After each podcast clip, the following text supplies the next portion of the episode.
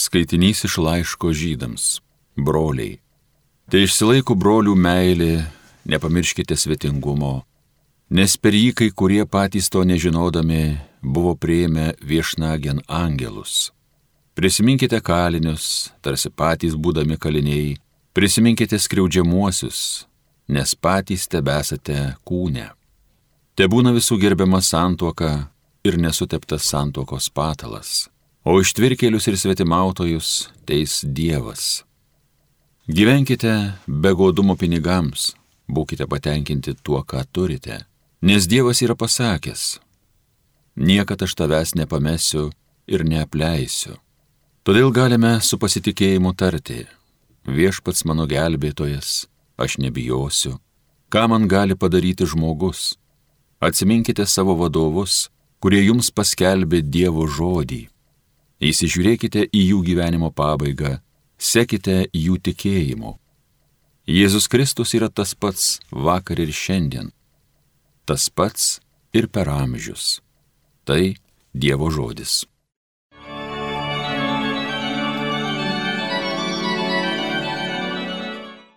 Viešpats mano šviesa, gelbėtojas mano. Viešpats mano šviesa, gelbėtojas mano, ko man bijotis. Viešpats gina mano gyvybę, ko man drebėti. Viešpats mano šviesa, gelbėtojas mano. Jei prieš mane stotų kariuomenės pulkas, širdis mano nedrebėtų, jei ir karas man būtų paskelbtas, vilties neprarasčiau. Viešpats mano šviesa, gelbėtojas mano. Jis mane slėps savo pastogiai, nelaimė atėjus, globos mane savo būstų slėpiniai, iškels ant uolos. Viešpats mano šviesa, gelbėtojas mano. Tavo viešpatie veido aš ieškau, nuo manęs savo veido neslėpki, savo torno rūščiai šalin nevaryki, tu mano pagalba, manęs neatmeski. Viešpats mano šviesa, gelbėtojas mano. Alleluja.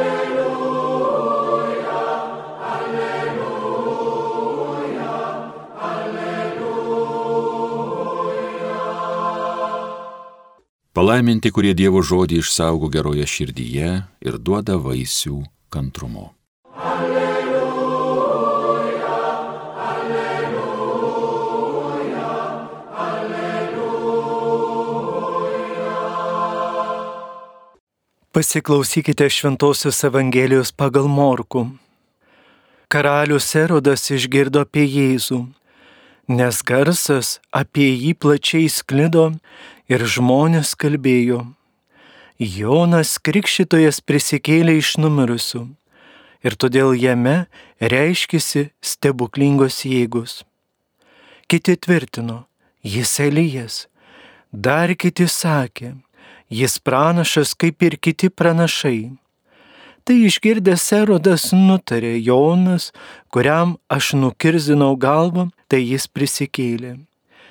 Pats Erodas buvo įsakęs suimti Joną ir laikė jį sukausytą kalėjime dėl savo brolio Pilypo žmonos Erodiados, kurią buvo vedęs.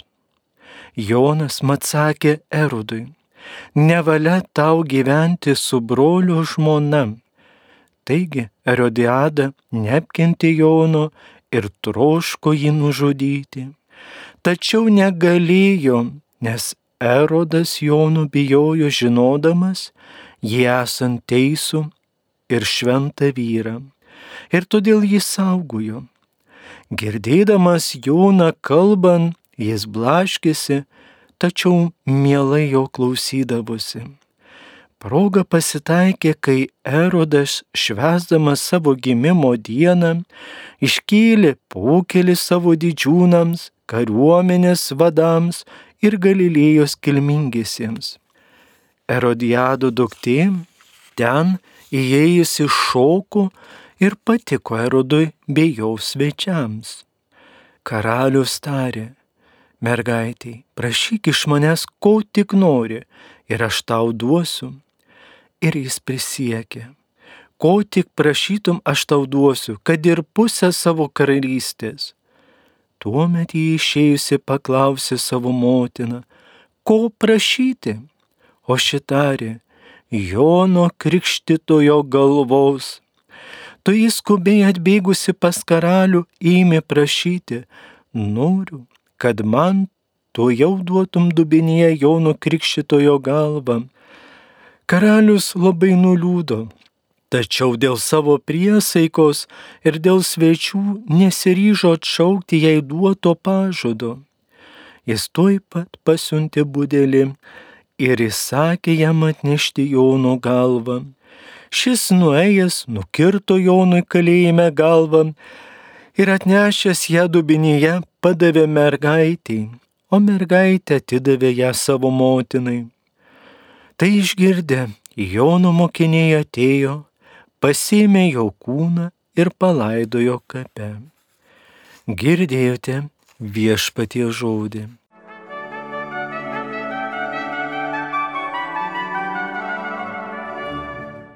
Mėly Marijos radio klausytojai, šiandien taip gražiai susišaukė Evangelija, kada prisimename kankinį blažiejų, kuris yra ypatingai gerbiamas ir rytų bažnyčios, apie jį daug yra legendų, kad iš tikrųjų daug stebuklų išgelbėjęs, ypatingai berniuką, kur buvo įstrigus ašaka ir dėl to net yra pagal seną tradiciją per šventą blažėjų yra dedamos žvakės, prašant jo pagyjimo gerklės lygose.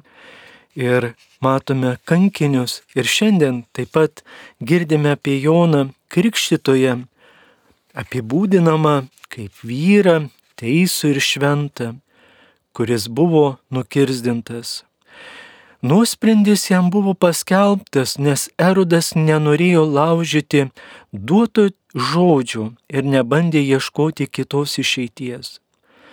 Štai nepykanta, kurią Jonui Krikštutoje jautė Erodijadą, nuvedė jį iki mirties.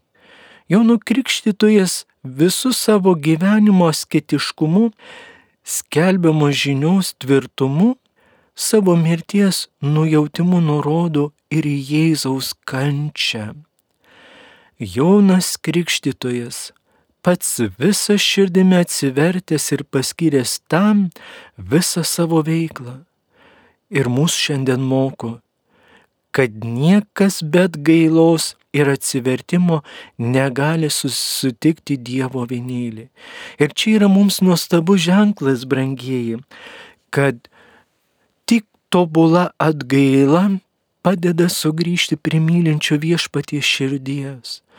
Tik tobula atgaila išgelbė nuo amžinojo pasmerkimo ir iš pragaro kančių.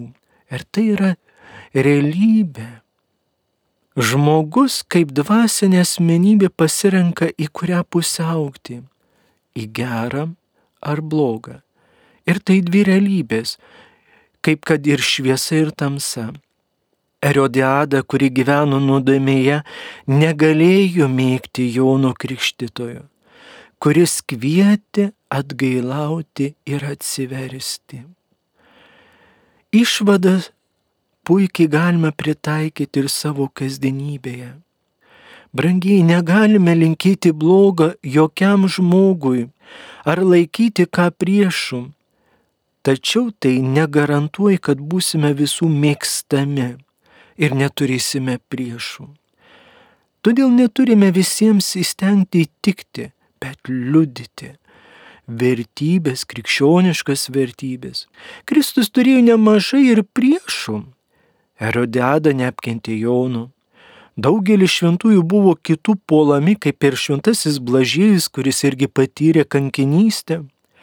Ir štai Jėzaus atsakymas Palaiminti jūs, kai dėl manęs jūs niekina ir persikėja bei meluodami visai šmeižiami. Tuo tarpu Erodas gyveno nuodėmėje, tačiau nenorėjo nužudyti Jono Krikštitojo, nes jo bijojo. Brangieji, baimė paprastai gimsta, kai sutinkame ką nors stipresnį už mus. Pavyzdžiui, kaip ginkluota vagė, ar ištinka žemės drebėjimas, ar kitos nelaimės, karai, kiti dalykai. taip pat ir stiprių žmogumi niekas nenori susigrumti. Turbūt visiems nekarta teko išgirsti teigiant, kad nėra teisinga laikytis Dievo įsakymų iš baimės, bijant pragaro ar ten dėl bausmių, kurios laukia jau čia žemėje. Tuo tarpu bažnyčia visada sakė, brangieji, kad nors toks būdas nėra pats geriausias sielos nusistatymas, tačiau tai yra kelio išganimo pradžia, raktas į amžinybę. Gyvenant dvasinį gyvenimą, baimė lieka pačioje žemiausioje vietoje, ant paskutinio laiptelio, o meilė ant paties aukščiausio ir viršutinio laiptelio. Garsus trapistų vienuolis Tomas Mertonas yra pasakęs vieną tokią mintį savo meditacijoje, kad labai svarbu Dievo valią vykdant, pirmiausiai nežiūrėti, kas kaip mano kiti, bet nuoširdžiai priimti ir vykdyti Dievo valią ir meilė turi būti. Todėl mes esame kviečiami, brangieji, tikrai va, meilė gali perkeisti kiek šiandien tenka matyti įvairiose situacijose žmonės vis nutolsta nuo Dievo, bet dievystė daug vyrauja ir daug gyvena žmonės šiandien dar daugiau nuodėmiai, nes jau nebe skiria, kas yra nuodėmė. Dabar toks kaip geras jausmas, net ir angliškas įsireiškimas, aš turiu gerą jausti vaibą, bet tai absurdas labai svarbu Evangelijai, ką ir girdime nuolat Jėzaus raginimas atsiverskite ir tikėkite Evangeliją. Metanoja reiškia nusigręžk nuo savęs, nuo savo nuodėmės. Kai iš tiesų myli, nieko nebijai. Štai dykumų garsus šventasis Antanas Abatas savo gyvenimo pabaigoje sakė, nebijas Dievo, nes myli jį. Blogis prasideda, kai žmonių baime tampa stipresnė už Dievo baimę. Štai kur yra didžiausia bėda. Ir todėl labai svarbu šitoj vietoje mums būdėjimas turi būti širdyje. Tuomet žmogus ima gniuždyti viską aplinkui ir savo viduje. Ir kaip rašė šventasis Jonas Klimakas, kas nebijo Dievo, tas bijo savo šešėlio išmintingi Švento Jono Klimako žodžiai. Tegul šio garsaus šventojo mus padrasina, kad pirmiausiai turime bijoti nuodėmės. Te laimina kiekvieną iš jūsų šitoje kelionėje. Amen.